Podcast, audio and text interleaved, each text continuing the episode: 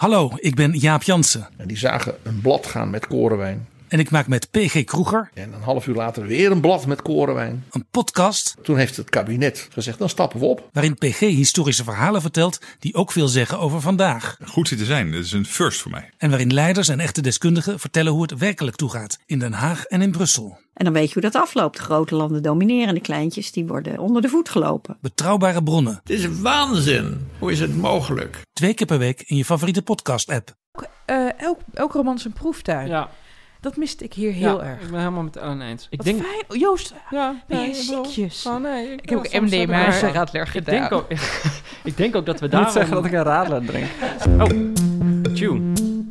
Dat is, ik, ik zit net. Dan moeten we al. Welkom bij Boeken FM, de podcast van Das Mag en de Groene Amsterdammer over boeken en de inhoud ervan.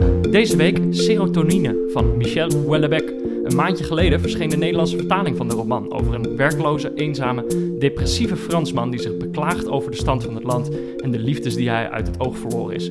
De meningen over de zevende roman van Houellebecq waren al gauw verdeeld. Vijf sterren, zei de Volkskrant. Vijf ballen, zei het NRC. Lauwe prak, schreef Cyril Offermans in de Groene Amsterdammer. Hoogste tijd om zelf een oordeel te vellen. Ik ben Peter Buurman en ik praat vandaag over serotonine met literair columnist van NRC. Ellen Dekwits Bonjour. en eh, redacteur van de Groene Amsterdammer, Joost de Vries. Hey Peter. Eh, welkom. Goed dat jullie er zijn. Ja, fijn om er weer te zijn ook.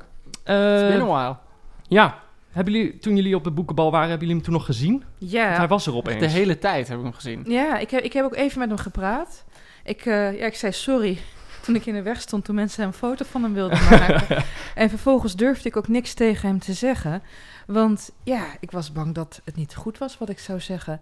De grap was dat hij de hele avond wel omringd is door, met, door anderen. Maar ik weet niet of zij hun werk hadden gelezen. Nou, ik, grappig is, dan heb jij hem anders meegemaakt dan ik. ik. vond- Dat vond ik dus zo een beetje pijnlijk bijna op het boekenbal. Ik kwam hem de hele tijd tegen. Hij was daar met zijn eh, nieuwe, Lysis. aanzienlijk jongere vrouw. En hij was de hele... Ik heb hem met niemand zien praten. Ik had, iedereen stond zo van een afstandje naar hem te kijken. Ik, vond het best een beetje eenzaam overkomen. Oh, nou, ik, ik- was... Maar misschien heb jij dus eh, Nee, eh, ik- beter meegemaakt. Ik had een beetje medelijden met hem eigenlijk. Oh, woe, nee. Nou ja, goed, ach, de multimiljonair met een knappe jonge vrouw, I don't care. Maar ik stond op het rokersbalkon, de ene sloft aan de andere Oh, was En daar ja, was Hoelle ja. Beck ook. En die had toen echt wel plezier. Ook met Martin de Haan, hè, zijn vertaler, Oh ja. was Hm. erbij. Dat is ook een beetje zijn bodyguard, denk ik, die avond. Om voor al te grote fans eh, te behoeden. Eh, op het boekenbal liep een vriendin van ons, allemaal Matthijs, rond in. En omdat het thema moeder de vrouw was, een gouden jurk met daar een enorme zwangere buik. En toen zij op het eh, terras eh, begon te kettingroken, zei Hoelle Beck dat ze dat niet moest doen als ze Oh. zwanger was. Oké. Ja, dus er nou, zit dat- iets- Kijk, kijk eens aan. Blijkt gewoon een hele vaderlijke, verantwoordelijke man te zijn, Wellebeck. Maar eh, Ellen, als ik jou zo erover hoor praten, was jij een beetje starstruck? Nou, ik was wel. Kijk, ik hoorde dat ze. Dit hoorde ik natuurlijk gewoon te- pas een half uur van tevoren. En ik dacht, oh gosh. Ja, ik ben wel heel. Ik heb alles gelezen. Ik ben heel erg fan. En ik was ook. eh, eh, ik was 18 toen ik, zijn, toen ik mijn eerste roman van Wellebeck las. En dat schrijven heeft echt wel een deel van mijn denken als adolescent en als volwassene ook wel Hm. echt gevormd. Oké. En, En en, en jij, Joost? Nou, grappig, dit was mijn tweede ervaring met, eh met persoonlijk. Dat ik werkte toen net bij De Groene en toen bestond, was in 2007, toen bestond De Groene 130 jaar. En toen hadden we de avond van De Groene Amsterdammer in de stad Schouwburg. En hij was een van de hoofdgasten. En eh, toen waren we met de opbouw bezig van het podium, of tenminste de organisatie van tevoren. Je weet hoe het gaat, middag kwam hij langs. Gaf hij, hem echt, hij gaf iedereen een handje. Was gewoon zo best wel aardig. En vervolgens zei hij, ja, ik ga nog even naar mijn hotelkamer. Ik ben zo weer terug. En toen kwam hij dus terug van zijn hotelkamer. Toen had een soort van hele grote parka met capuchon gewoon zo over zijn hoofd. En was hij totaal niet meer aanspreekbaar. En toen werd hij dus geïnterviewd. En toen presteerde hij het om gewoon op elke vraag eerst een hele lange stilte te laten vallen. En dan dacht hij blijkbaar over de vraag na. En dan zei hij als antwoord, zei hij dan na een minuut, zei hij... Oui et non. En dat was het gewoon de hele Nee. tijd. En de mensen in de zaal werden ook gek. Hele gekke avond was het sowieso. Want er was een kunstenaar gevraagd eh, om kunstwerken te maken tijdens dat interview met hem. En het, de kunstwerker zat aan een tafel te werken en een camera filmde het van boven en het werd dan geprojecteerd op een scherm. En zij als van zalm was ze vagina's aan het vouwen. Dus we hadden zo'n in beeld zo'n tafina- tafel die zich langzaam va- vulde met... eh, Vulva's. vulva's, met zalmvulva's. En op een gegeven moment, dat, dat gesprek ging wel prima. Toen op een gegeven moment kwamen de vragen uit de zaal. En toen werd er echt nog specifiek gezegd van... Zijn er vragen? En met vragen bedoel ik vragen met een vraagteken aan het einde van de zin. Niet een statement. Maar echt de ene na de andere persoon stond op en begon hem nou niet per se uit te kafferen, maar wel gewoon zo'n boos statement te maken. hem. Wow, waarover dan? Nou ja, gewoon over van alles. En, Dit- Want dit was eh, 2007. dit was 2007, ja. Toen was hij natuurlijk ook al een heel uitgesproken. Dus het hing zo'n hele gekke avond. En toen, na afloop, zat hij in de Schouwburg gewoon op, op, de, op een bankje of op de trap te roken. En de ene na de andere vrouw kwam op hem af. Eh, dus, dus dat was heel merkwaardig. Met eh. goede of kwade intenties, Joost? Want hij Nou, natuurlijk, eh, sommige vrouwen haten hem, andere vrouwen... Nee, dit waren, laten we zeggen, goede intenties. Ja, ik geloof dat hij eh, dat hij redelijk. eh, Voordat de, voordat de microfoons aangingen, zei Ellen tegen mij van... we moeten wel een onderscheid maken tussen de auteur en de publiek figuur. En Joost, je hebt het nu even over de, over de publiek figuur gehad, maar als nou, dan auteur... sluit het niet heel erg bij elkaar aan. Nou, dat, Zou dat, dat, kunnen, dat, ja. dat zou ik niet zeggen. Dat zou ik echt niet zeggen. Eh, hij spreekt zichzelf in interviews, sprak zichzelf, want hij geeft nog amper interviews, eh, sprak zichzelf tegen. Hij eh, is bereid om statements te maken, om mensen ook op de kast te jagen. Hij spreekt zichzelf heel vaak tegen, inderdaad. Ja, ja, ja, ja. En eh, eh, hij provoceert graag. Dat heeft hij ook in zijn essays, weet je wel, dat het een Ja. doel dient en zo. Dus jij, hij is ook in zekere zin onkenbaar en Ja. ook ongrijpbaar. Kijk, dit is ook dus iemand die op een gegeven moment, eh, een paar jaar geleden verdween. Hè? Toen zijn, was volgens mij de kaart in het Ja, gebied toen had hij een laatste interview gegeven, toch? Toen Nee, nee, hij Nee, was nee, verdwenen, nee, nee. echt. Oh. Ja. Footsie, zo van, weet je wel, waar is Wally? Nee, Oh. waar is Hij zou, een, Michel? hij zou een optreden geven in Nederland. Ja. En niemand kon contact met hem krijgen. Zijn agent wist het niet. Zijn vertaler wist het niet. Hm. Eh, hij was spoorloos. Ja, dat was een beetje net zo'n crisis als toen Waar is Diri weg was. Weet je wel, iedereen in rep en roer. Uiteindelijk is hij gevonden. De omstandigheden of de redenen erachter zijn eigenlijk schimmig gebleven. Maar ja, de man, weet je wel, hij, hij speelt het spel, denk ik wel mee. Maar, maar eigenlijk was mijn vraag veel simpel- simpeler. Eh, eh, sorry. namelijk, ik wilde Dat gewoon weten, heb je veel ja. van hem gelezen, Joost? Ben je, ben je... Ja, ik heb, ik heb al zijn romans gelezen. Oké, en, en, en Ellen ook, begreep ik. En zijn essays. En het, voor mij is dit wel echt een schrijf... Ja, ik heb ook zijn brieven gelezen met eh, eh, eh, Daniel Benny... Of B.A. Shell, zoals ik hem noem, we zijn aan het over... Ik hoor, we zijn aan het en- overbieden. en, Mag ik dan onderbieden? Dan mag ik onderbieden. Dan, dan We speel ik gelijk open anders. kaart. Dan speel ik gelijk open kaart. Dit is het eerste dat ik van hem gelezen heb. Dat vind ik dat vind ik interessant. fascinerend. Stop. Wat, wat wist jij voorheen? Wat was het imago van Wellebeck dat tot jou als non-lezer voor dit boek Nou, tot je was doorgedrongen? kijk, ik vind zo'n zo'n anekdote van, van Joost... eh, had me denk ik weinig verbaasd... omdat ik hem denk ik wel herkende als eh, provocateur. Mhm, Eh, maar dat, dat is dus eigenlijk zijn publiek figuur. mhm. eh, zou je kunnen zeggen. En ik, ik heb natuurlijk wel, ik heb wel die interviews met hem gelezen. Maar daar, ik dacht net dat we het daarover hadden. Want hij heeft toch twee jaar geleden een keer gezegd van... ik, ik, eh, ik stop ermee, ik ga niet meer schrijven of zo. Nee, maar hij doet, hij doet van die interviews dan... Het ene moment geeft hij een interview, zegt hij... Nou, Donald Trump is de beste president die Amerika ooit heeft gehad. Ja, dat heeft hij En- na aanloop, aan, Ja, maar aanloop dan, naar dit, en dan een, week later zegt hij in een interview... Ja, Donald Trump is een clown. En het is, ik bedoel, het, het, hij, het is iemand die gewoon heel erg zich- tegen zichzelf ingaat ook de hele tijd. Maar Peter, maak je, ma- ma- ma- maak je redenatie even af. Oh ja. Als je zei, Nou- enerzijds geloof je in hem als provocateur. Nou, dat was de reputatie van hem die Ja. ik kende. En, en verder, eh, ik had natuurlijk wel studiegenoten die, die hem lazen... Die, die vaak wel enthousiast waren. Die hadden wel zoiets van, dat, mo- dat moet je toch ook wel eens doen. Maar, wat ik eigenlijk dacht... en misschien zit het in andere boeken meer dan in deze... eh, dat ook vaak science fiction wel genoemd werd als het over Ja. zijn boeken ging. En dus ik, ik verheugde me daar een beetje op. En het is ook niet helemaal precies duidelijk in welke tijd dit boek zich afspeelt... maar sci-fi zou ik nou ook weer niet willen noemen. Nee, maar Dus dan moet, je, dan moet je de mogelijkheid van een eiland lezen. Dat ja, gaat echt of over elementaire klonen. En, ehm, eh. eh, dat gaat echt over klonen en speelt Ja. zich in de toekomst af. Oh, En- ja. Of Soumission, eh, onderworpen. Het laatste roman is een dystopie over Ja, oh dat- Europa een soort nieuw Romeins Rijk wordt onder een islamitische heerser. Ja, maar het probleem zeg maar, is eerder dat eh, je, je- hij, kan je, hij kan je niet ontgaan. Dus ook als je zijn boeken niet Nee. leest, heb je wel een beeld van hem. Maar ik vond het daarom wel leuk om hem een keer te lezen. En om te kijken of dat beeld dan eigenlijk klopt. Nou, wat, wat vond je ervan? Zullen we daar meteen even op ingaan? Oh, moet ik nou meteen... Ik Ja, dacht dat we dat aan het einde van de podcast altijd deden. Nou nee, ik, ik wil weten, jij hebt je Wellebeck-ontmaagding gehad, Peter. Vertel iets Wat over- deed vertel het? iets over het boek. Ik moet pijn. Moeten we, eh, als we nu het boek in gaan duiken, dan moeten we misschien eerst samenvatten Maar- waar het over gaat. Maar mag ik eerst even nog dit zeggen? En Dat, dat vind ik namelijk altijd fascinerend met Ja. Je hebt heel vaak als je aan mensen vraagt... wat vind je de beste Wellebeck? Dan noemen ze altijd of ehm, platform of elementaire deeltjes. Mm. En dat hangt er dan altijd van af. Ja, het zijn beste boek is... Maar daar kunnen we het zo Gaan we over het zo hebben. over hebben, ja. Ehm, eh. En dat heeft er heel erg mee te maken... welk boek van hem las je het eerst? Ik las voor het eerst eh, een platform. Daar was ik echt totaal van ondersteboven. Dat had ik echt nog nooit zo'n soort boek gelezen. En maar heel veel andere mensen, het boek daarvoor, dat was eigenlijk zijn grote internationale doorbraak. Dat was elementaire deeltjes.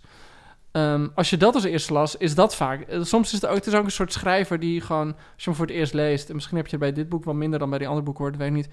Ehm, als je het voor het eerst iets van leest, is dat gewoon heel anders dan wat je gewend bent. En is die eerste ervaring daardoor ook vaak het krachtigst en blijf je het meeste bij. Oh, dat, die, die, die redenatie snap ik. En, en- en ook omdat, eh, Peter, bij is het zo... er is een aantal constanten eh, in zijn werk. De hoofdpersoon is altijd een wat droeve 30-plusser... vaak nog een 40er midlife crisis. Oh ja, dat is ook een van de dingen die ik wist. Dat, zit, Ja. er altijd, dat Ja. zit er altijd in. Ook altijd de notie dat we in de blessuretijd leven van het westers liberalisme.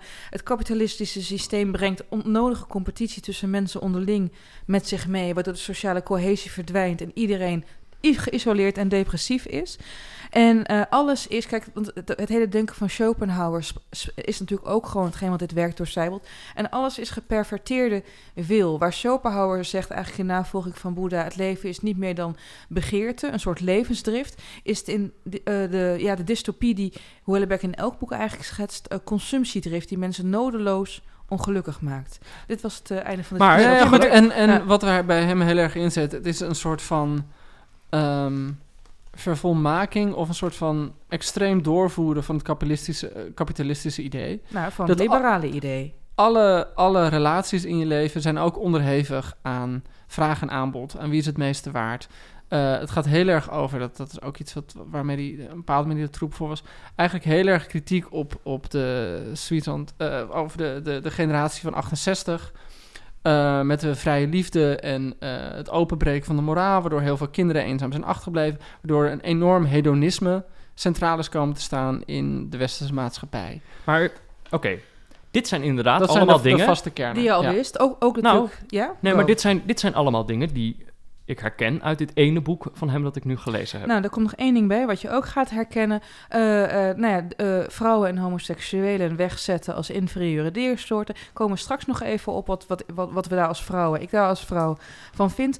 En natuurlijk de notie dat seks tot niet alleen genotsdrift is, maar ook narcistische drift. Je hebt niet zozeer seks omdat je een orgasme wil, maar gewoon omdat je dan weer iets van je lijst af kan strepen. Ja, kunnen we dan nu naar dit Go. boek? Naar dit boek, Ja. concreet. Het Waar heet, gaat het over? nou, het heet serotonine. Eh, Wat is dat, serotonine? het, het, nou ja, ik denk dat je het eh, heel simplistisch kunt samenvatten. Eh, ik heb hier natuurlijk niet voor gestudeerd, maar je kunt het heel simplistisch samenvatten als het gelukshormoon. Oh, je hebt er wel voor gestudeerd, zeg je. Nou ja, ik heb, ik, ik heb gebeduisd in psychologie, maar inderdaad het gelukshormoon, Nou ja. waardoor je verbinding met anderen legt en zelfwaarde een lekkere chemische basis heeft. Ja, maar je hebt dus een, je hebt, in dit boek heb je een hoofdpersoon, eh, Florent Claude, eh, ik ben zijn achternaam vergeten. La Brouste. Labroest, eh, die, eh, die heeft daar een tekort aan. En eh, hij krijgt een pilletje voorgeschreven. Nou, niet zozeer een tekort, maar Ja, hij kan gewoon gewoon- niet omgaan met de eisen en de druk van het ja. leven. En dat maakt hem depri. Ik, want hij, hij, eh, er is nergens echt eerder in het boek sprake van dat hij als kind bijvoorbeeld heel depri was, als adolescent. Het wilde allemaal net niet. Hij had twee totaal op zichzelf gerichte ouders. Maar eh, nee, maar hij gaat het gebruiken omdat hij op een gegeven moment niet meer met mensen om kan gaan. Ja, ja, ja, precies. Maar hij, heeft dus, hij krijgt een pilletje om, om de serotonine op eh peil te houden. Ja, en het pilletje, dat is even belangrijk. Sorry Peter, ik ontbreek je even, maar eh, het, het, het is een fictief middel. Het heet Captorix. Ja. Ehm, ik dacht van, eh, Even ik, googlen. ik slik sinds mijn negen nog veel Prozac. Dus ik dacht, oh, dit klinkt interessant. Weet je wel, nul bijwerkingen. Dit bestaat helaas nog niet, maar het is een ehm, antidepressief omdat niet in de hersenen zorgt voor een verhoogde serotonineafgifte, maar in de darmen. En dat Ja. is interessant. Huidige onderzoeken wijzen ook uit dat het gros van de serotoninesynthese in het lichaam in je buik Ja, plaatsvindt. maar geen en dan, bijwerkingen, en dan, zeg en dan is de slotzin Nou, van het... aanvankelijk. Minder bijwerkingen wordt in het boek gezegd. Ja, natuurlijk, die bijwerkingen worden verschrikkelijk. Zijn piemeltje blijft hangen. Ja, dat, dat, maar wil, ik- dat wil ik net zeggen inderdaad. De, de Ja. slotzin van het eerste hoofdstuk is meteen heel goed. De meest voorkomende krijg je eerst een hele duidelijke... eh, eerst een paar pagina's, gewoon heel feitelijke eh, wetenschappelijke onderbouwing... hoe Captorix wordt gemaakt. En dan staat er inderdaad... de meest voorkomende nadelige bijwerkingen van Captorix... waren misselijkheid, verdwijning van de libido en impotentie. Van misselijkheid heb ik nooit last gehad. Ja. Met Nou. andere woorden... Ik ook niet. Dat is het eerste hoofdstuk, toch? Dus dan, ja, eh, daar begint, daar, je, weet daarmee wordt meteen, het op scherp gezet. je weet meteen met wie je te maken hebt. Dus je hebt een, eh, een, een, een oude ongelukkige man, of nou, oud, hij is eh, in de 40. Midlife, hè, ja. ja. Ehm, en hij besluit op dat moment eh, te, te verdwijnen ergens. Daar komt, komt het boek in beweging. Hij gaat weg bij zijn, eh, zijn huidige vriendin. Die laat hij achter zonder iets te laten weten. Ehm, en gaat vanaf dat moment zwerven. Hij gaat rondzwerven. Ergens in het boek wordt gezegd dat hij een soort stervend dier is dat op zoek is naar een plek om, eh, Dood om, te om gaan. dood te gaan. Eh, en, en, want heel lang vraag je je wel af van wat is hij eigenlijk aan het doen? Waar gaat hij nou eigenlijk precies heen? Dat vraagt hij zichzelf ook wel af. Eh, er zijn, worden verschillende verklaringen voor gegeven. Wat hij nou, of dat doet hij zelf eigenlijk. Wat hij nou eigenlijk aan het doen is. Waarom hij naar, wel naar sommige plekken reist. En waarom hij niet naar andere plekken reist. Hij gaat wat oude geliefdes af. Ehm, maar, en daar had ik het idee. ehm, dit is, is pas op pagina 200 eh, van de 300. Daar had ik het gevoel van, oh, nu, hier gaat het om of zo. Hij komt bij een oude studievriend van hem, geloof ik. Aymeric. Aymeric. En dat is een, eh, een boer uit een familiebedrijf. En dat familiebedrijf is al jaren Nou, ten onder aan het gaan. een boer, ja, hij, hij boert. Maar Ja. het is iemand van, de, en dat is ook een van de thema's van dit boek. Mhm. Het is iemand van adel, weet je wel, met een, eh, met een enorme met een stamboom die langer is dan een rol wc-papier, bij wijze van spreken. Hij is in zijn eigen klasse getrouwd. En in de, in de Franse adel, überhaupt in de Europese adel, is natuurlijk al decennia sprake van eh klassendegeneratie. En zo ook in deze Franse adel. En inderdaad, een studiegenoot van hem, ze hebben allebei aan de Universiteit van Landbouwkunde, correct me if Ja, agro. Agrocultuur, zoiets, ja, Ja. gestudeerd. En eh, die Aymeric, die, eh, ja, die heeft zijn eigen biobedrijfje. Maar het sneuien is, hij werkt zich te pletter... en het alles voor de betere omstandigheden voor de koetjes en lekkere melk. Maar ehm, hoe hard hij ook werkt, ze verliezen geld. Hij moet telkens stukken van zijn erfgrond verkopen. Ja. Dus hij kan niks meer doorgeven aan de volgende generatie. Ja. Het is eigenlijk het failliet van het oude systeem. En dan is het ook nog, en dit- hier sluit het denk ik aan bij een ander belangrijk onderdeel in het verhaal. Die, die hoofdpersoon zelf, die heeft eh, in het verleden bij de EU gewerkt. Eh, niet als ambtenaar, zegt hij op een gegeven moment zelf. Maar hij schreef wel de adviezen over wat er precies moest eh, gebeuren. Dus hij zat eigenlijk een beetje aan de kwade zijde. De EU wordt ook genoeg Ja, bekritiseerd. wat, wat in een gekke ironie is in het boek. Want iedereen weet dat de Franse eh, landbouw alleen bestaat bij de gratie van EU-subsidies. Ik bedoel, daarom gaan boeren altijd de straat op in Frankrijk. Ze zijn altijd boos omdat ze meer geld willen. Eh, want als ze die subsidies niet zouden... Frankrijk krijgt ook disproportioneel meer subsidie voor de landbouw dan andere landen. Dat hebben ze afgedwongen. Eh, want anders zouden echt nog veel meer boeren al lang failliet zijn gaan. Dus er zit een hele gekke tegenstrijdigheid in. Dat je aan de ene kant het verhaal hebt van die Aymeric, die vriend die klaagt. En tegelijkertijd dat hij inderdaad die subsidies aan... Of nou, die, ja, weet niet per se die sub- maar die inderdaad die landbouwadviezen schreef voor de EU. Ja, en hij komt ook bij, bij die Aymeric, die, die in een... Heeft ook een, hij heeft een oud kasteel Ja, op zijn land staan. kasteel. Ja, en hij verhuurt wat bungalows om dan nog bij te beunen. En daar, daar gebeuren ook de smerigste dingen. Maar eh, bij die Aymeric komt hij ook boeren uit de omgeving tegen... waar toch eh, een zeker onbehagen eh, aan het broeien is. En uiteindelijk ook tot een uitspatting komt. Ehm, ja, dat kan je wel zeggen. ja, en dit boek verscheen natuurlijk eh, verscheen in januari. En eh, een van de dingen die dan gezegd wordt... is dat het eh, de gele hesjes al voorspelde. Ja. Ehm, Eh, Kan je uitleggen waarom, waarom dat zo is?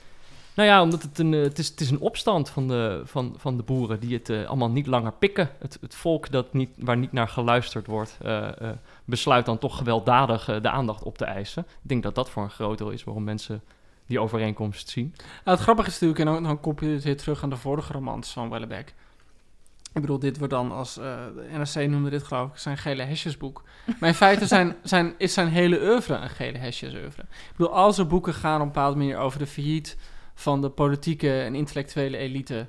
Eh, het gaat heel erg over hoe Europa, al zijn boeken gaan over hoe Europa voorbij worden gestreefd door eh, nieuw opkomende markten en economieën. Eh, het, gaat heel erg, al zijn boeken gaan over de teleurgang, teleurgang van het klassieke Frankrijk, zoals de, de middenstand dat, dat zou willen behouden.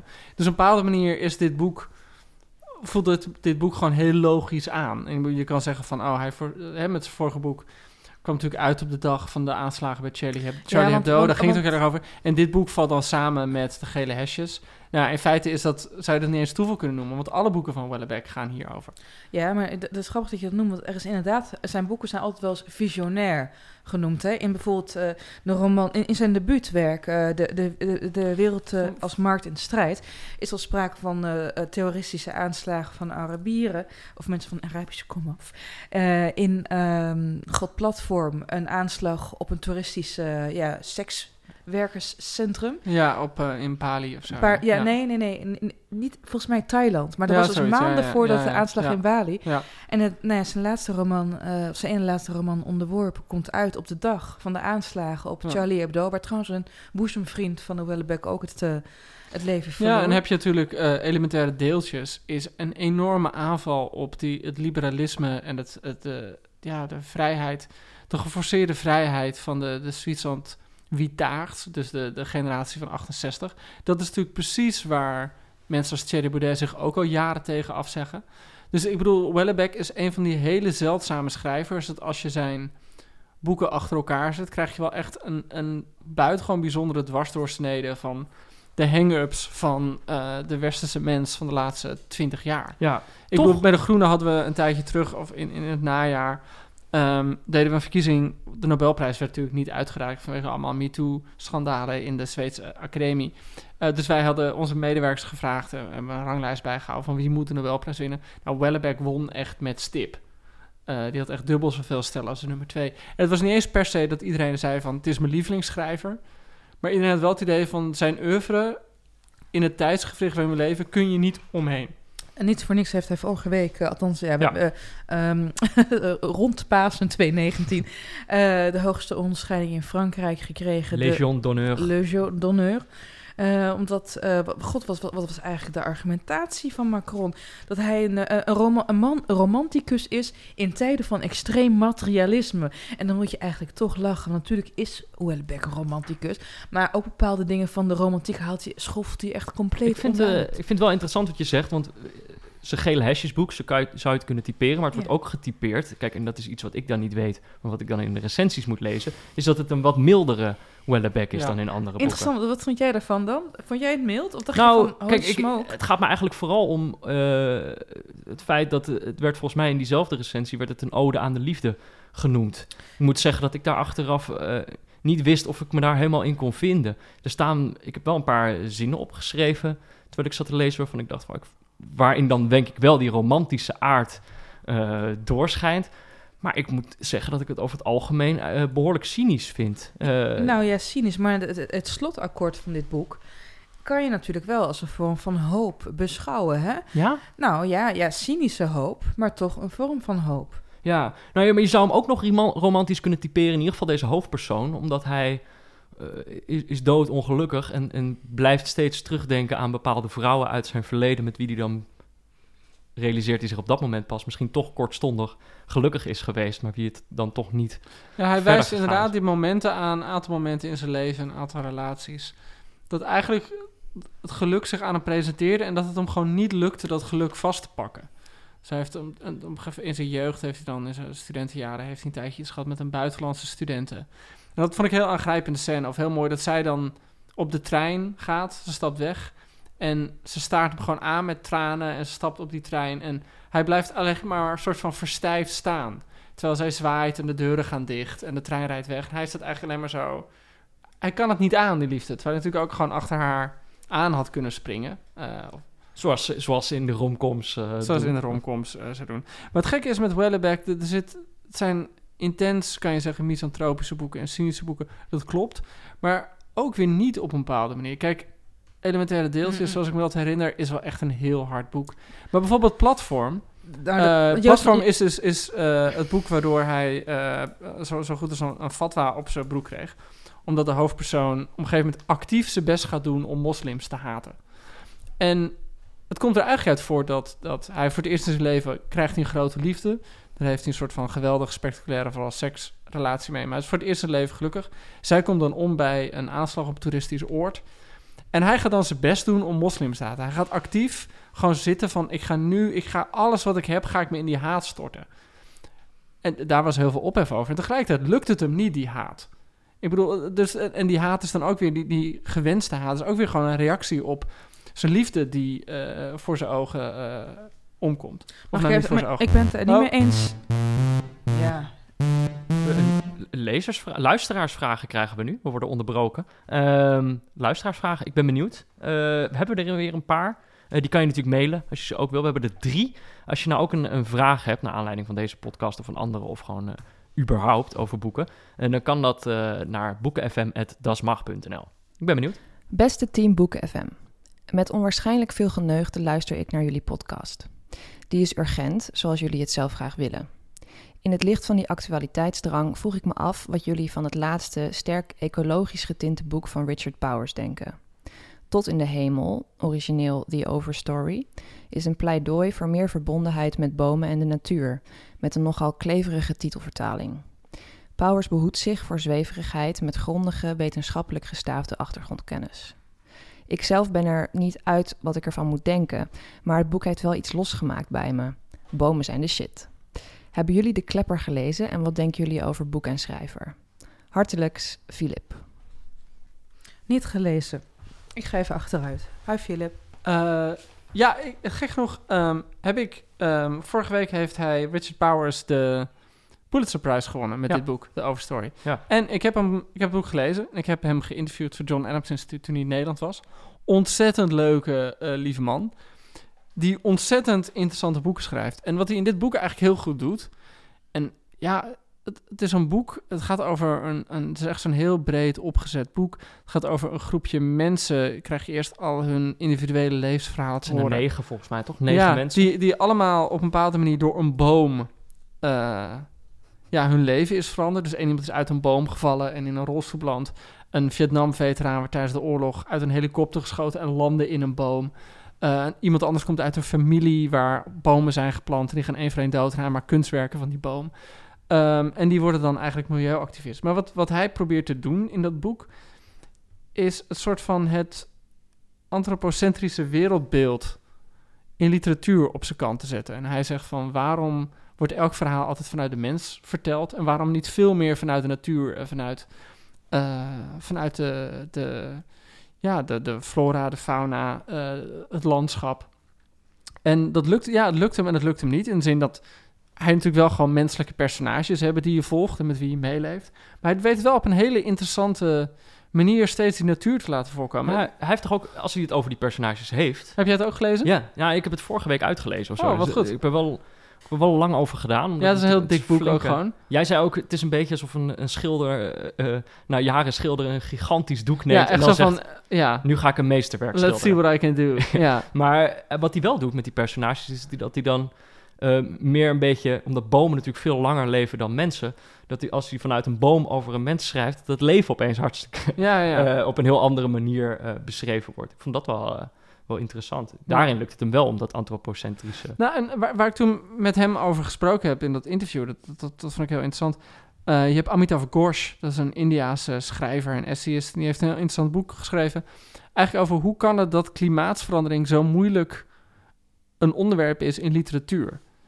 En, en die komt heel erg met de theorie van klimaatverandering is zo groot en het gebeurt op zoveel plekken te, tegelijk, uh, dat je het bijna niet in een narratief kan gieten. Uh, en dat is wat Richard Powers heel erg geprobeerd heeft. En ook wel op een hele interessante manier. En wat dat betreft ook wel gewoon echt een, uh, durf ik te zeggen, wel een urgent boek. Ja, ja. maar ik snap wel wat, uh, wat, wat de luisteraar bedoelde in de mail. Dat soms overheersen de ideeën wel heel erg, waardoor die personages niet altijd ja, evenveel tot leven komen. Ze zijn niet allemaal ben ik even met je eens hoor, maar ik vond het wel gewoon, ik was wel ja. echt heel erg onder de indruk van, van nou het boek. Ja, hopelijk was dit een goed genoeg antwoord. Hallo Peter, Ellen en Joost.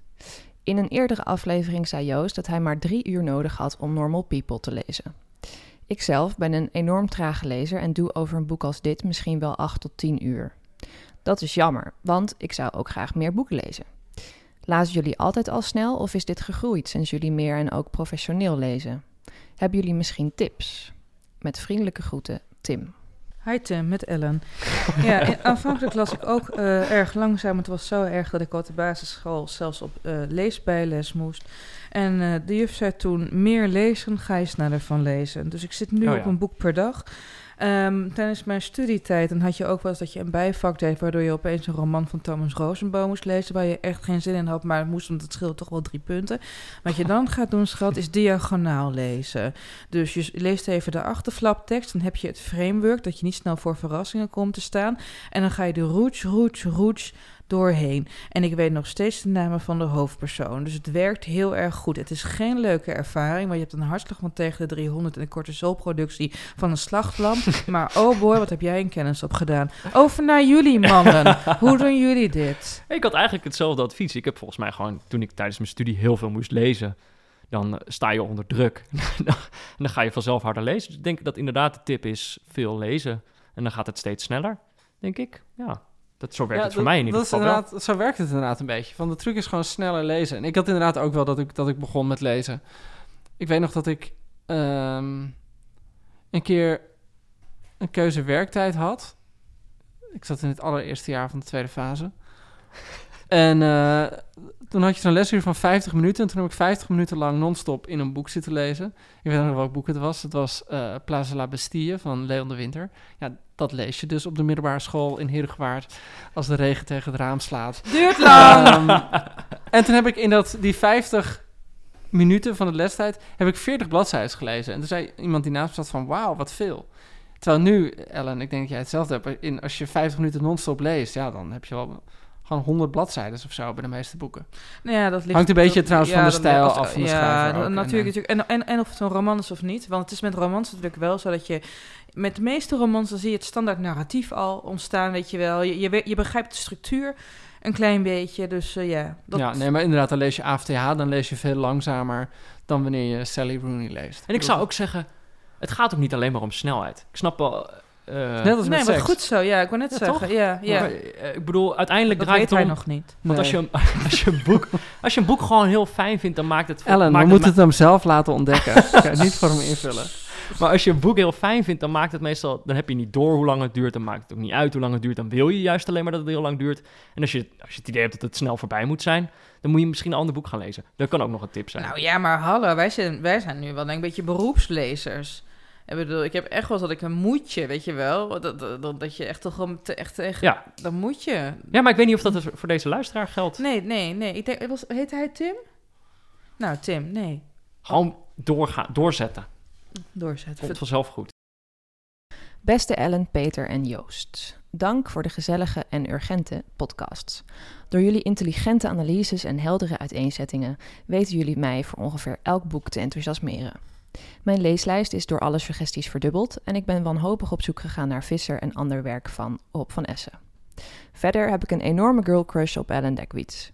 Ik zou de hele dag naar haar snedige opmerkingen en smakelijke spreekwijze kunnen luisteren. Dan heb ik nog twee vragen aan jullie. De eerste luidt, naar aanleiding van de Harry podcast... Hoe ziet jullie Fuck, Mary Kill eruit als de keuze bestaat uit elk fictief literair personage? En mijn tweede vraag: welke titels van voor 1900 zijn jullie favoriet? Met vriendelijke groet, Roos. Holy smokes. Um, Roos. Heel flauw. Hi Roos, uh, met wie ik ga trouwen. Hi. Natuurlijk voor 1900 Anna Karenina. Topboek. Uh, Gebroeders Karamazov. Topboek. Decameron. Topboek. Don Quixote. Je lacht je dood. Mm. Klinkt duf, want je denkt, oh, dat is de klassieker, dus moet. Nee, zo grappig. Candide van Voltaire. Maar nu ben ik je schuldstapel alleen maar aan het vergroten. Dus jongens, geef hier even antwoord op. Dan ga ik nadenken over mijn voor Fuck, Mary Kill. Denk bijvoorbeeld aan, aan Madame Bovary van Flaubert. Dat ja. is echt zo'n boek waarvan ja. je denkt, oh, klassiek boek. En het is zo modern en het is zo speels geschreven. Uh, die moet je zeker doen. Maar bijvoorbeeld ook, ja, maar dan ga je gewoon de standaard klassiekers opnoemen. Maar Wuthering Heights is ook gewoon heel fijn om te lezen van Brunte.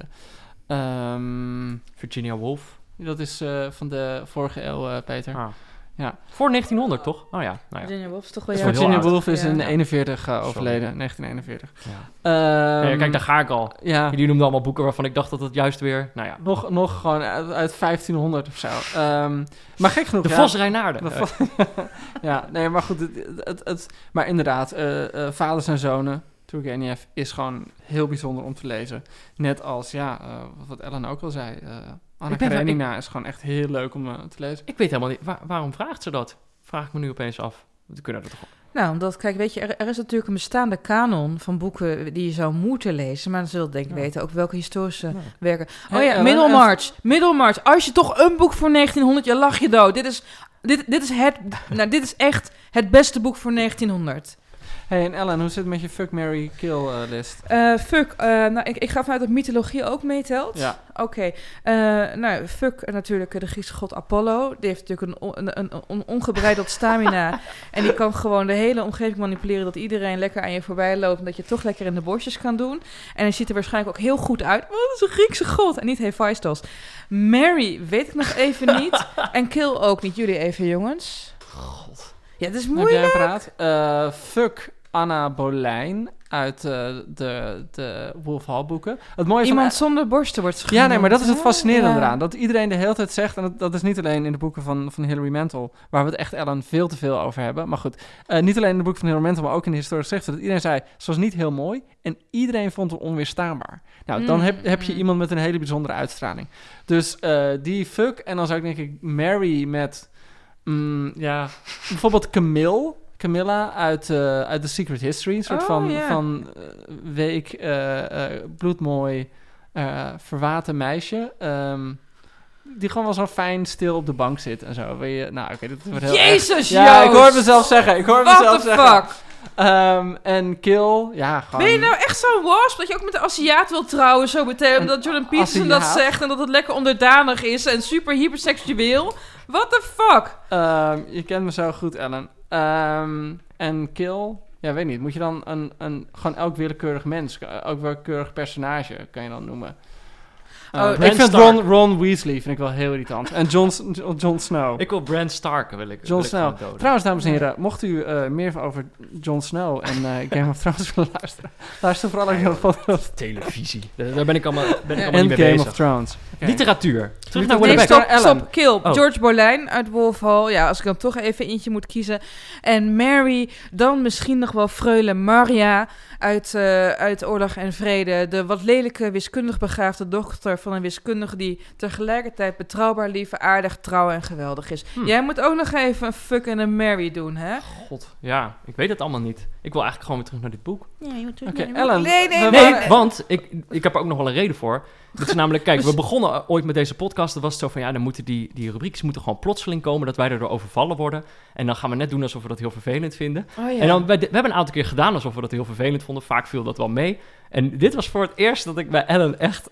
het ging bij jou door merg en been dat je werd Ja, want- onderbroken. Ja, Ja, ik nee, was bang dat je in slaap viel. Ik zag je helemaal weg. Nee, dat was woede, was nee, woede. Nee, nee, ik, ik, wa- Oké. nee, ik, ik was, ik was, nee, maar ik kan soms boos worden als iemand iets zegt waar ik het echt niet mee eens ben. En, en je zei iets waar ik het echt niet mee eens was. Dat is niet persoonlijk, Joost. Dat, is, dat is gewoon, gaat gewoon om intellectuele capaciteit. Volgens mij zei je ik iets over, over- elementaire deeltjes en toen zag ik je ogen nou rollen ja, en, je, je, je, zei, je, zei, je zei dat het echt heel, een heel hard boek en zo is. herinner ik het me. Ja, maar, maar, maar, maar, maar eh, ik heb het dus echt net herlezen en het viel mij dus opeens mee hoe zacht het was. En natuurlijk wordt de vrouw, maar eigenlijk en ook de man, iedereen wordt eh, ge- ehm, gepresenteerd als een rottend lijk. Eigenlijk ben je na je twintigste seksueel niet meer interessant en met die seksuele waarde valt ook meteen je gehele waarde als mens. Eh, maar de liefde die er bijvoorbeeld voor een grootmoeder, die er altijd voor de kleinkinderen is in het boek uitspreekt, de liefde voor de vrouwen, de zelfopoffering, dat vind ik wel eh in elementaire Maar dit deeltjes. is eh, elementaire deeltjes. Ja, dat is elementaire En als we het dan deeltjes. over serotonine hebben, hebben het net over liefde gehad. Ik vind, ik vind dat er in elementaire deeltjes dat liefde meer een thema is dan hier in serotonine. En serotonine, eh, dat zegt op een gegeven moment volgens mij ook die arts eh, die hem die serotonine, voor, het- die ja. kapterix voorschrijft. Die zegt, dit is gewoon een middel wat je moet slikken om meer sociale bonding te kunnen ervaren. Nou dat lukt amper Mhm. in dit boek. Er wordt tussen de regels ook door gesuggereerd dat de enige bonding religie zou kunnen zijn. En God weer terughalen in je leven. Ehm, de hoofdpersoon is te atheïstisch om dat toe te laten. Maar aan het einde heeft hij het wel over dat God misschien nog wel een kans maakt. En de grap is, ik las dus een recensie van serotonine in het Nederlands Dagblad, weet je wel. Mhm. de, de lezende Gevo Club. En die zeiden, ja, dit is gewoon een boek waarin Hoewellebeck lekker zegt van... Hoi God, joepie, ik hou van jou, bij wijze van spreken. Ja, Maar, Maar- goed, dat is eigenlijk liefde. Eh, ik wilde misschien al de, de stap maken naar haat. Ja. In, in hoeverre eh, speelt haat een rol in dit boek?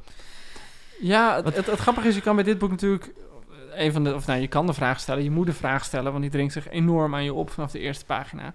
Van hoe misogyn is dit boek? Ik bedoel, eh al lees je, kijk je gewoon naar taalgebruik, valt meteen op. Gewoon alle vrouwen zijn gewoon dikke sletten of lelijke wijven. Ik bedoel, het is allemaal zo plomp mogelijk opgeschreven. Het is ook, er zit in het begin van het verhaal, dat was eigenlijk de eerste keer waarop ik dacht, eh, wat gebeurt hier nou? Dan heeft hij het over zijn, zijn, zijn huidige vriendin. Yuzu. Die haalt iets uit de koelkast. En dat, dan vertelt hij tegen de lezer Dus hij omschrijft niet eens letterlijk die scène, maar hij vertelt over die scène. En dan zegt hij, ja, toen had hij tegen haar gezegd, ga aan de kant, dikke hoer of zo.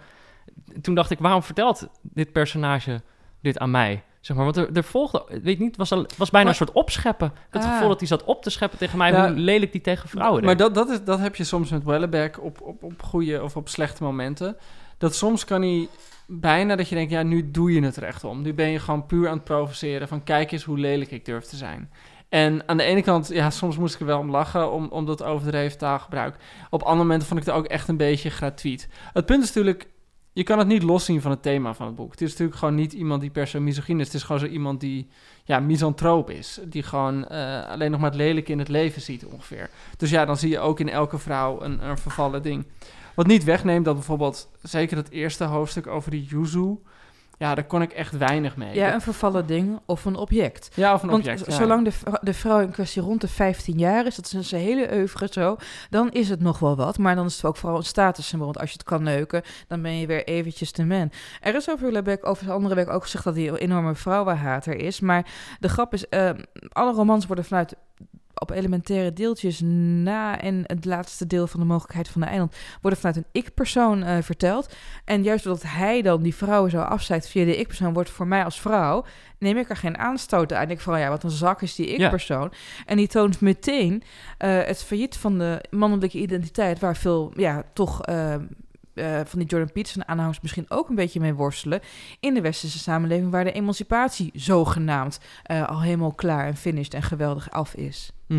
Ja, maar tegelijkertijd ook, eh, als je het over vrouwen hebt, een van de dingen waar dit personage ook woedend over is, is, jij noemde dat net ook, maar weer het liberale gedachtegoed en ook de, de seksuele bevrijding, waardoor mannen zoals deze man eh, zonder seks komen te zitten. Nou ja, weet je, Sunny Bergman die heeft tien jaar geleden of twaalf jaar geleden een eh, documentaire gemaakt beperkt houdbaar. Hè? Dat, je, dat je als vrouw tot een bepaalde leeftijd seksueel interessant bent.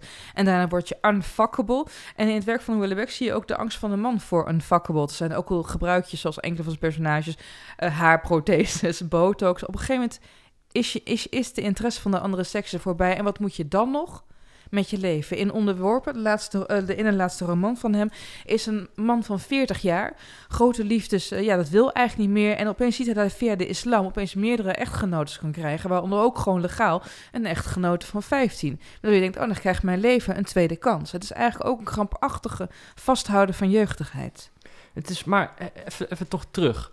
Er, voordat de microfoons aanstonden, werd er ook al gezegd dat iemand tegen jou had gezegd over dit boek van we moeten niet zeggen dat het misogyn tegen is. mij inderdaad. Ja, Ja, tegen dat was door, door zijn uitgever gezegd hoor. Ja, Maar- hoi Elik.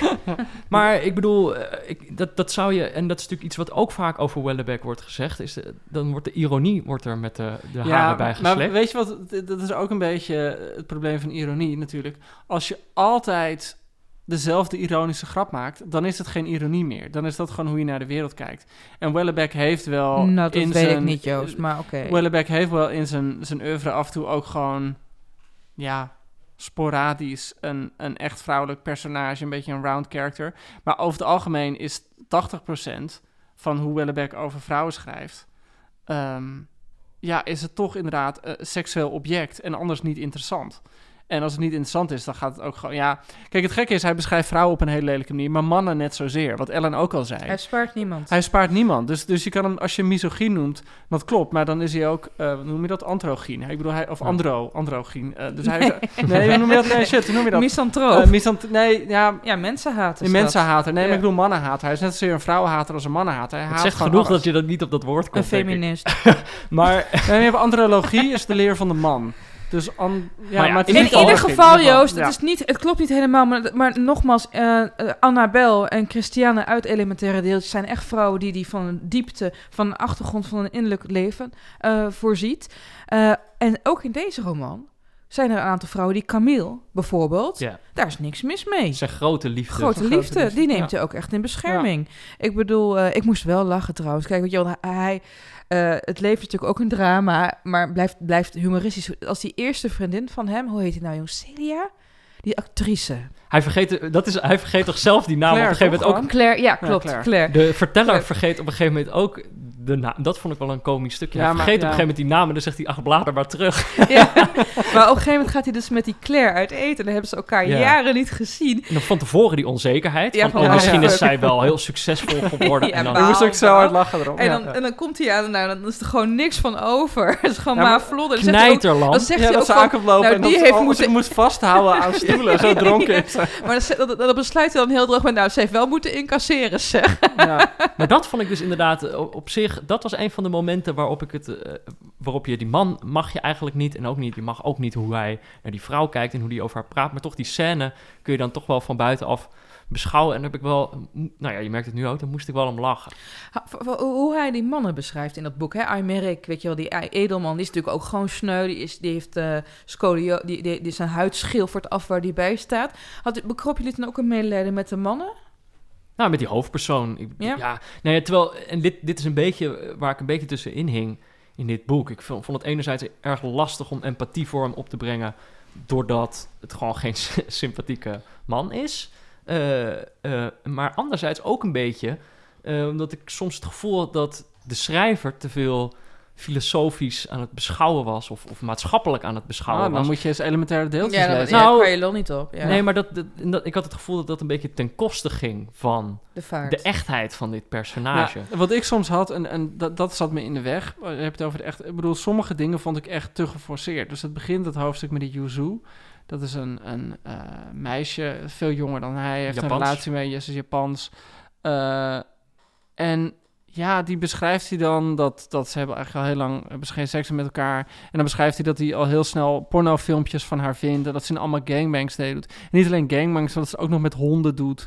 En dat ik echt, dat was ik aan het lezen. En dat zijn dan de eerste 30, 40 pagina's van het boek. Vond ik zo, ja, ik vond het echt totaal ongeloofwaardig. Ik vond het nergens op slaan. Ik vond het, ik vond het, ik begreep niks. Het is ook niet waarom van belang. Het is ook niet van belang.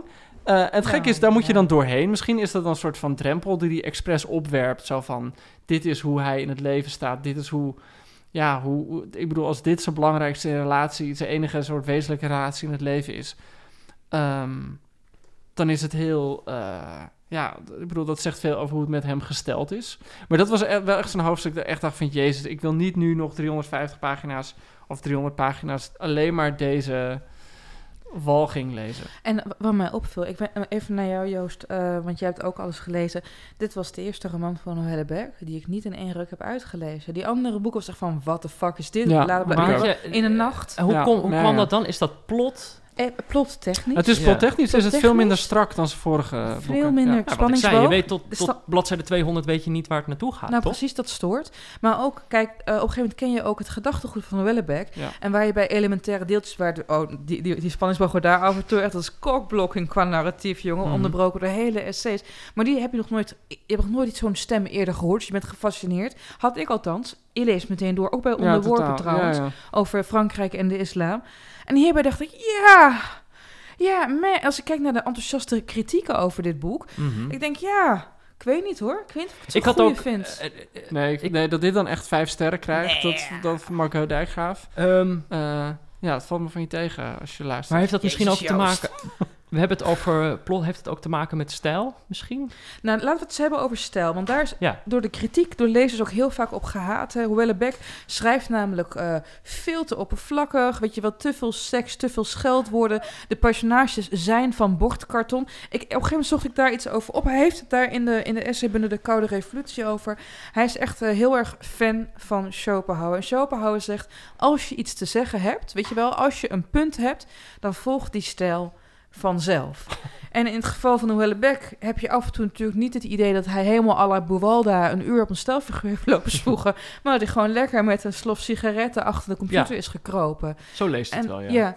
aan de andere kant, eh, in zijn andere boeken, daar heeft hij toch andere, er zitten andere stemmen doorheen. Zijn vorige roman ging over iemand die was gepromoveerd in de literatuurwetenschap. Ja, dat ja. merk je ook echt aan de zinnen. Ik vond de stijl hier, af en toe dacht van, ja, jezus, wat een lange zinnen. Eén zin van drie pagina's. Ja. En dan loopt hij nog op Proest te haten in het boek ook. Ah, wat, ik, wat ik heel grappig vind, in Frankrijk eh, hebben, hebben, noemen ze het echt officieel de style Wellebec. En het is dan de anti-stijl. En wat je bij zijn vorige boek had gehad, heb ik toen, want eh, gewoon heel verbaasd naar zitten kijken. En dan heb je inderdaad, dan begint hij een zin en dan staat er een komma. En wat er dan na de komma, of een puntkomma of een komma. En wat er dan na de puntkomma staat, heeft niks te maken met wat er voor de komma staat. Dat Maar je hier- echt dacht, hè? ja. Alsof Hier wordt soms, maar hier wordt soms die komma niet eens gezet. En, en dit boek, en, en dat vond ik eigenlijk, dat sprak me aan aan dit boek, vergeleken met vorige boeken. Eh, dit is echt een verteller die gewoon een verhaal vertelt. Heel vaak staat er ook, nou, nou ja, of wat jij al zei, dat zei van, nou, blader maar even terug. Ik bedoel, het is iemand die een soort van, als het ware met een wijntje, gewoon achter zijn Ja. Het boek... Dat, had- relativeert ook de hele tijd zichzelf. Dus dan eh, zegt hij zo van ja, natuurlijk, het, eh, het, ging, het ging niet goed met mij, maar er zijn mensen die zich om, voor minder om, van kant gemaakt hebben of zo. Dus hij relativeert steeds eh, zijn eigen verhaal ook weer. Ja, en over die puntkomma's. Hè. Op, op een gegeven moment was het zo erg. Ik ben even het boek kwijt waar het, het geval was. Maar daar heeft de vertaler Martin de Haan en nog in een nawoord gezegd van... ja, ik heb al die puntkomma's er niet ingezet hoor. Ik heb gewoon Michel een beetje aangehouden. Maar ja, het hoort bij hem en het zorgt er ook voor... misschien dat je keihard wil doorlezen. In het geval van deze roman had ik dat niet. Nou, Hoe, hoe ervoer jij dat als eersteling? Wil, wil jij het in één ruk uitlezen? Volgens Nee. mij niet, hè? Nee, nee, nee, Maar dat had denk ik... Ik weet niet of dat per se met stijl te maken had. Ik denk ook hoor. Ik denk vooral plot. Dat je heel lang niet echt gegrepen wordt door het verhaal... omdat je niet precies weet wat het verhaal is. Ehm, en ook gewoon... Ik, ik, kreeg, ik kreeg er niet echt een eh, fijn gevoel van. Dat is Hm. natuurlijk niet het allerbeste argument of zo... maar eh, soms kan een, een boek een bepaalde sfeer oproepen...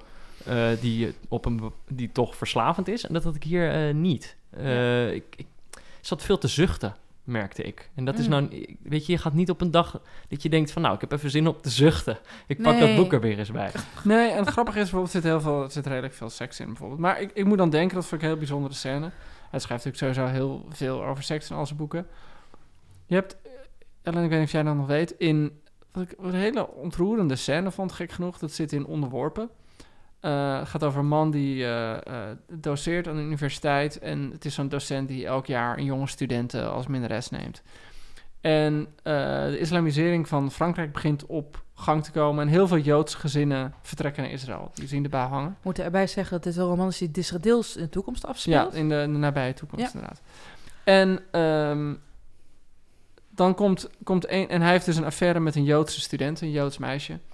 En die komt dan bij hem langs. En eh, die gaat hem dan nog één keer orale seks geven. En dat beschrijft hij op een hele mooie manier.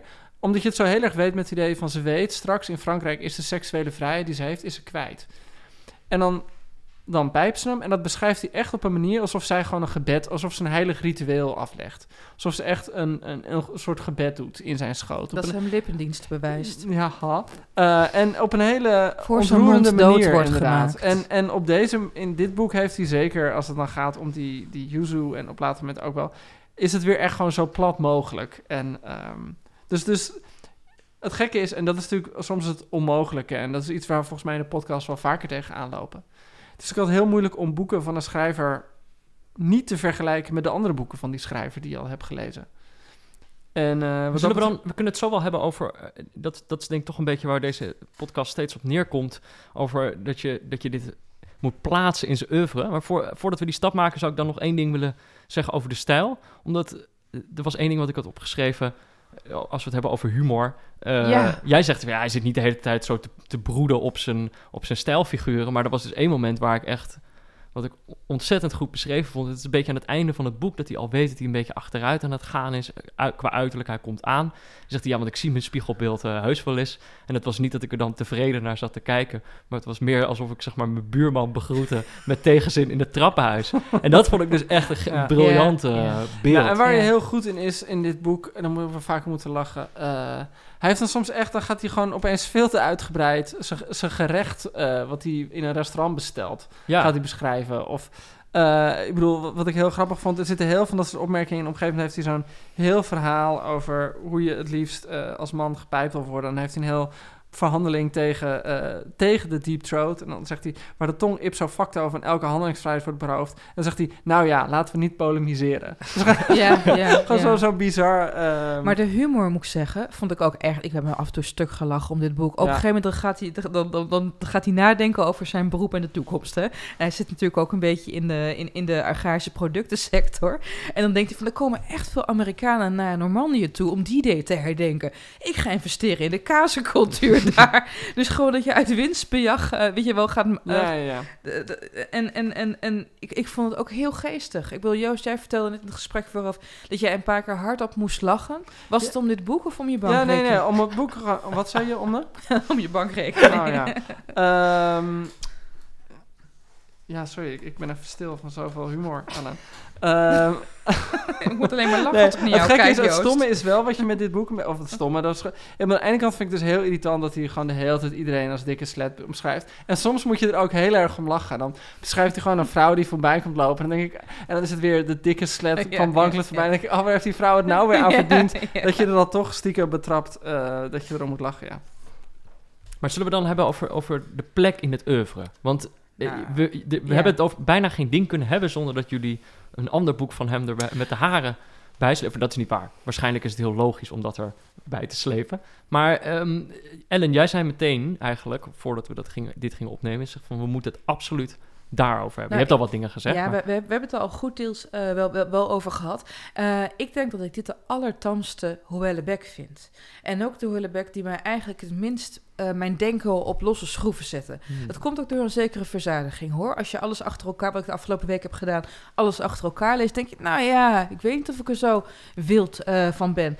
Ehm, wat ik heel erg miste in dit boek, het is deels een tikje science fiction. Hè? Captorix is dus een Ja. nog te, nog te, er worden ook geen jaartallen genoemd. worden geen jaartallen. Zit ook wel de technologie die En wij ook mij- kennen zit erin. Er zit er niet één zin waarin hij zegt, volgens mij was Macron toen nog premier. Ja, Ja, zoiets. ja, ja. Maar dat is echt ja. Ja, Verder je hele kleine hint. Ja. Ehm, maar eh, los van dat medicijn en eh, ja, Macron, die dan eh, waarschijnlijk niet meer is, ehm, miste ik dat. Want eh, kijk, voor degenen die zijn oeuvre dus niet kennen, in elementaire deeltjes is op het laatst de toekomstige mensheid aan het woord, die eh, niet meer aan seks doen en ook niet aan dood gaan en eh, helemaal ja, leeg, maar toch happy de peppy zijn. in, in, in, in onderworpen vind je het opeens heel aannemelijk dat, je, dat Frankrijk een moslim-minister-president heeft die van Europa, de Europese Unie, samen met Noord-Afrika een nieuw groot Romeins Rijk wil maken. Ja, dat kan ik me wel voorstellen. In de mogelijkheid van een eiland wordt onderzocht of onkwetsbaarheid, onsterfelijkheid, een ga- garantie is om gelukkig te zijn. Ja. En, en, en, en dit, dat experiment, want elk, elk, eh, elk, elk roman is een proeftuin. Ja, Dat miste ik hier heel ja, erg. Ik ben helemaal met Ellen eens. Ik Wat denk, fijn. Oh, Joost, Ja, ben jij ik ziekjes? Oh nee. Ik, Ik heb ook ik MDMA en Radler ik gedaan. denk ook, ik denk ook dat we Ik daarom... zeggen dat ik een radler drink. is oranje, ik zei oranje. ik denk ook dat we daar een beetje misschien bij de kern komen van wat ik van dit boek vond. Ah, Ehm, en eerder hadden we het erover. Joost zei, mensen hun favoriete Wellebec eh is vaak afhankelijk van waar ze mee begonnen zijn. En ik ben dus begonnen met deze, Ja. maar ik denk niet dat het mijn favoriet zal zijn. ja, ja nou, en grappig Joost, want, want wat, wat, jij bent dus begonnen met, Met platform. Platform, Is het ja. ook jouw favoriete Wellebec? Nee. Eh, ik vond de wereld als markt en strijd vond ik exceptioneel. Ja. En ik vond elementaire deeltjes ook in vorm. Ja, ik weet niet. Ik eh, vond, ik, vond ik heel bijzonder. Ook, ook al had ik toen nog meer van hem gelezen, was nog nooit zoiets gelezen. Ik vond eigenlijk ook ehm, eh, de kaart en het gebied vond ik ook fascinerend. ja. Beschrijft hij een deel over een kunstenaar. En ik dat zat de hele te denken. Oh, ik wou dat die kunstwerken echt bestonden. Die hij ja, beschrijft. dat dacht ik ook. Dat vind ik wel heel dat bijzonder. dacht ik ook. En Hoelebeck laat zichzelf vermoorden in dat boek. En wordt onthoofd En dan hoofd. Het, het slotdeel Maar- van het boek is een detective. En Ja. dan moet de detective gaan uitzoeken wie Wellebeck heeft vermoord. Onderworpen vond ik dat begin heel mooi, maar niet perfect. Eh, de mogelijkheid van een eiland was meer, ja, ja. Ik, ik vond... Ik vond ik Wat is jouw favoriet? Nou, ik twijfel tussen onderworpen, de wereld als markt en strijd. En ik vond toch de mogelijkheid van een eiland aangrijpend. Omdat je ook de oplossing die namelijk in elementaire deeltjes wordt getoond voor de impasse die de westerse mens heeft. Weet je wel, we zijn sterfelijk, we rotten weg. Ja. Dus we zijn beperkt houdbaar, dus ongelukkig vanaf 40 jaar ongeveer. Dat wordt opgelost in, eh, eh, ongeveer opgelost dan, in de mogelijkheid van een eiland. En nog wil iedereen dood. En nog kiest de hoofdpersoon voor eh, een andere weg te bewandelen. Ja.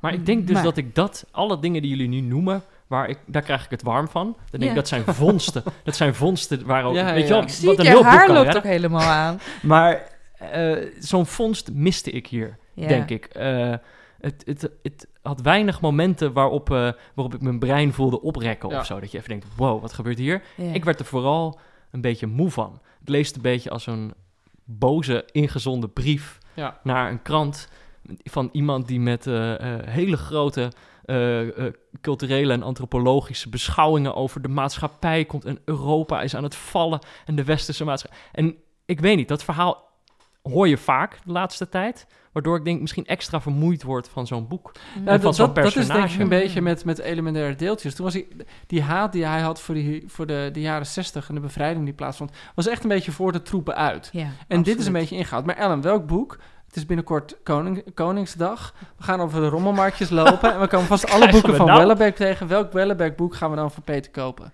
Ah. Wat is dan, waarmee raken we de kern het beste? De wereld als martenstrijd. Ja, eigenlijk wel, hè? beginnen. Ja, Ja, om mee te ja. beginnen. Ja. Oké, kom maar op. Ik, eh, want dat Dat is wel, ik wil hem niet, dun. afs- wil hem niet afschrijven hoor. zitting heb je ja, het maar dan doet hij nog tien uur over. Ja, dat is beter. Ja. Ja. Ja. Hey, Maar lees ook, Peter leest ook met zo'n liniaal.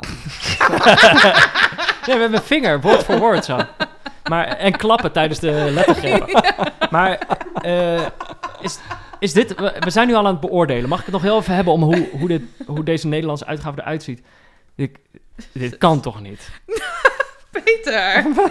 Ja, maar dit is, het doet mij denken aan een, aan een scheikundeboek op de middelbare school. Het lettertype, de kleuren, de vormgeving. Nou, het ik heb er toch nooit zo naar gekeken. Maar Ik ben, ik ben natuurlijk gewend, hè. Dit is natuurlijk hoe het... eh, weet je, wat vroeger Ja. had je die... Met, met zo'n mooie Ja, ja, heel mooi. foto. Ja, nee. Ja. Nou, ik heb hier... Ja, nu je het zegt. Sorry, de, Ja. de observatie is niet van mij. Nou, luister. Nee, Nee, maar nee, maar hebben- ze luister. Ik wil hebben er niet mijn grafkist mee bekleden, jongens. Nee, Ar- nou, ar- het zegt arbeiders- Peter. Arbeiderspers heeft inderdaad een soort van stijl ontwikkeld. En die hebben ze nu op alle, alle her, ja. herdrukken gedaan. heb je nou dat Michel, waar dan Wellebeck doorheen staat. Eh, ja, het is niet super mooi. Ik maar krijg, mensen een beetje, kopen... Ja, ik krijg een beetje getal- en ruimtegevoelens bij. Dat was wiskunde, weet ik. Maar ik heb zo kort scheikunde gedaan dat ik vergeten ben hoe dat eh, schoolboek heette. Ehm, moeten we dan ook nog een blurb en een cijfer gaan geven? Ja, dat moeten we. Dat, moeten we. Dat, dat, dat zijn we verplicht aan de luisteraar. ja. Ja. Oké, wie, wie gaat het spits afbijten? Ik zou als blurb iets hebben van... ehm, dit is de boek die, het boek dat... Nou, arbeiderspers. Onze Letten jullie op. Lees deze boekje. Oké, ik ben af. Ja, ik ben ja. af. Oké. Ik heb Jongens, tot de volgende keer. ik, eh, ik, ik zit op de bank. Zet maar- die, kan er, die kan er meteen op. Coach, ik wil gewisseld worden. Onze Joost is op. We willen een nieuwe. Wat, wat zouden we als blur doen, Peter, nu Joost Ik nog had, oud- ik had, en dit is misschien dit is echt te sterk aangesteld... en het is echt van iemand die dus niet de rest van het oeuvre gelezen heeft... en Ja. misschien dus niet dit boek op waarde heeft kunnen schatten. Ik zou zeggen, dit is een beetje... en dat is een boek dat ik niet gelezen heb... maar dit is een beetje wat ik me voorstel van die laatste roman van Thierry Baudet. Eh, daar waar je toen zo één fragment voorbij zag komen over iemand... ook een man, oude man die door Frankrijk wandelt... en Die een, ook een baguette ziet en moet denken aan zijn eigen pik. Ja, ik vind, ja, ik word er allemaal... eh, ik word er niet zo enthousiast van. Oké, een baguette, de baguette van Baudet. Ja, daar moest je aan denken. Ja, ja, ja. Net iets ja, te veel ja, aan ja. denken, ja. Ja, ik zou zeggen niet zijn beste, maar wel erg lachen. Ja, oké. Mijn cijfer, Ja. en dit is, zo laag heb ik nog niet uitgedeeld. Eh, en Maar Peter, je bent zo tolerant altijd. Je geeft altijd een zeven. ik was denk ik in een opstandige bui. Eh, Oh. vier. Zo. Ik zou het ook niet aan iemand aanraden. Zo. Eh Merel, kan je Joost zijn microfoon even weer inschakelen? Joost, wat voor cijfer zou jij het geven? Een vijf. Zo. Ook niet heel veel meer. En ik zou het, in, zou ik het aan mijn moeder aanraden. Ja, als mijn moeder Thierry Baudet was geweest, dan zou ik het aan haar, aan haar aanraden. Maar anders eh, Als niet. mijn moeder een, een, een witte man van 60 Een was, die zich weinig boze gehoord witte man. Ja. Ellen, jij? Nou jongens, dit vind ik wel heel heftig. Want ik wil het eigenlijk naar zes geven, maar dan komen we gemiddeld uit op een Ja, vijf. dat is toch een mooi cijfer? Ja, nee, maar dan kom ik, ik middel het altijd. En ik weet niet of, of een vijf het Je verhoudt je altijd tot de rest Ja. van de kritiek. Dat Ik- is wel zo. ik- ik- ik- dat- dat- dat, dat durf ik echt niet te Het zeggen. moeilijke is dat, en dat, dat, dat is soms het vanuit creatieve... Het is natuurlijk vergeleken met heel veel andere romans die verschijnen... een interessante roman. Ja. Veel interessanter. veel interessanter. En, en ook, weet je wel, het ligt er dik op in dit boek. Bijvoorbeeld die degeneratie, die zowel fysiek als bij de boerenstand, als bij het departement van Landbouw, als bij het, de, het- de import van Europa. Het, het ligt er dik op, maar kom er maar eens om. Ja, maar ik vind, ik denk dat je er anderzijds kan je, kan je, anderzijds kan je hem misschien ook net iets te hoog inschatten, omdat hij heel veel krediet heeft verdiend met de rest van zijn oeuvre. Ah, ook, ook Oh, slim. interessant punt. Ja, nou, dan blijf, ik- punt. dan blijf ik bij me. Dan blijf ik toch. Hè, Peter. Ja, maar ik wil oké, sorry Ellen, ik wil ook bij zeggen dat, ik, ja. dat dit echt niet betekent dat ik nooit meer iets van hem wil lezen of zo. Hoor. Het was gewoon dat dit niet Nee, het en voor mij lieve luisteraar, mocht u nu denken van, hè, weet je wel, ruil die boekenbon, of als je, eh, als je het bonnetje nog hebt, ga de wereld tussen markt en strijd of elementaire deels. Ik geef het toch een zes, jongens. Daarmee komen we als gemiddelde op een Ah, joh. vijf. Vind is ik hij laag. hartstikke blij mee. Nee joh, daar, daar Ja. wrijft hij, hij wrijft Ah, hij zijn. Goed. Nee, dat is toch prima? Ja, wat gaan wij de volgende keer doen, jongens? Want wij hebben... Nou, aflevering 3 van Game of Thrones is de volgende. Als u, dames en heren, luisteraars, als u, de microfoon als u naar uit? luistert en u Geen denkt, ik wil een soort boeken kijken. FM, Ja, maar dan de Peter Buurman. Met televisie Luister kijken. naar en Game of Thrones. Ja, de dat is podcast waar. over Game of Thrones. Met Joost en Ellen. Met Joost en en zonder Peter.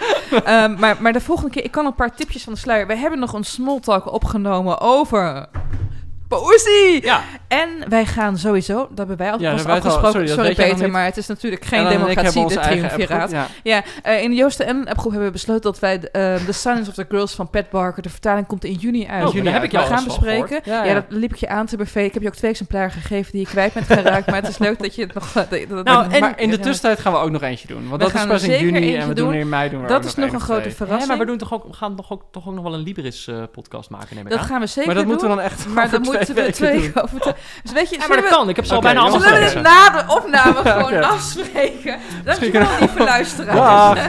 Dit was Boeken FM, de podcast van Das Mag en de Groene Amsterdammer over boeken en de inhoud ervan. Deze week bespraken we Serotonine van Michel Houellebecq. Mocht je nog iets kwijt willen over het boek of iets anders willen laten weten eh, of een vraag hebben, dat kan natuurlijk. Eh, mail naar boekenfm.dasmag.nl. Dankjewel Ellen. Dankjewel. Dankjewel Joost. En ehm, ik dacht, we hebben nog een hele leuke recensie gekregen in de, in, in de mailbox. Joost, Joost wil jij misschien God, ik wil jij hem even even voorlezen? Geef me twee seconden om hem te vinden. Eh, ik bedoel, we krijgen heel vaak... Krijgen Ik heb hem ook hier. Je mag hem ook hier. Oh, hier zo, ja. Eh, deze mail hebben we ontvangen van IFG. Ik weet niet wie het is. Geval. En eh, die had leuke feedback voor ons. Hij zei, wat een scholierenpodcast. Een stel giebelende, door elkaar pratende, zichzelf kittelende pubers. Krijg ik mijn huiskamer in met deze podcast? Stoppen hiermee. Direct. Wat een onzin. Ga een boek lezen. Ik denk... Je vergeet de zin. Oh, verstuurd vanaf mijn iPad. ja. Ik denk wel dat als je, de, als je de interpunctie ziet van de zin... dat het waarschijnlijk door Wellebeck eh, is gestuurd. inderdaad. Nou, ik moet zeggen, ik herken me hierin. Ik vind het echt knap, een knappe recensie. Ja, Ja, ik, ja, eh, ik ook. Ja, fijne ja. feedback. Dus mocht je ook zoiets hebben, stuur het vooral op naar boekfm.dasmag.nl. En dan, eh, ja, wie weet, misschien gaan we dit, dit advies nog opvolgen en daadwerkelijk een keer een boek lezen. Leuk, bedankt. Joep.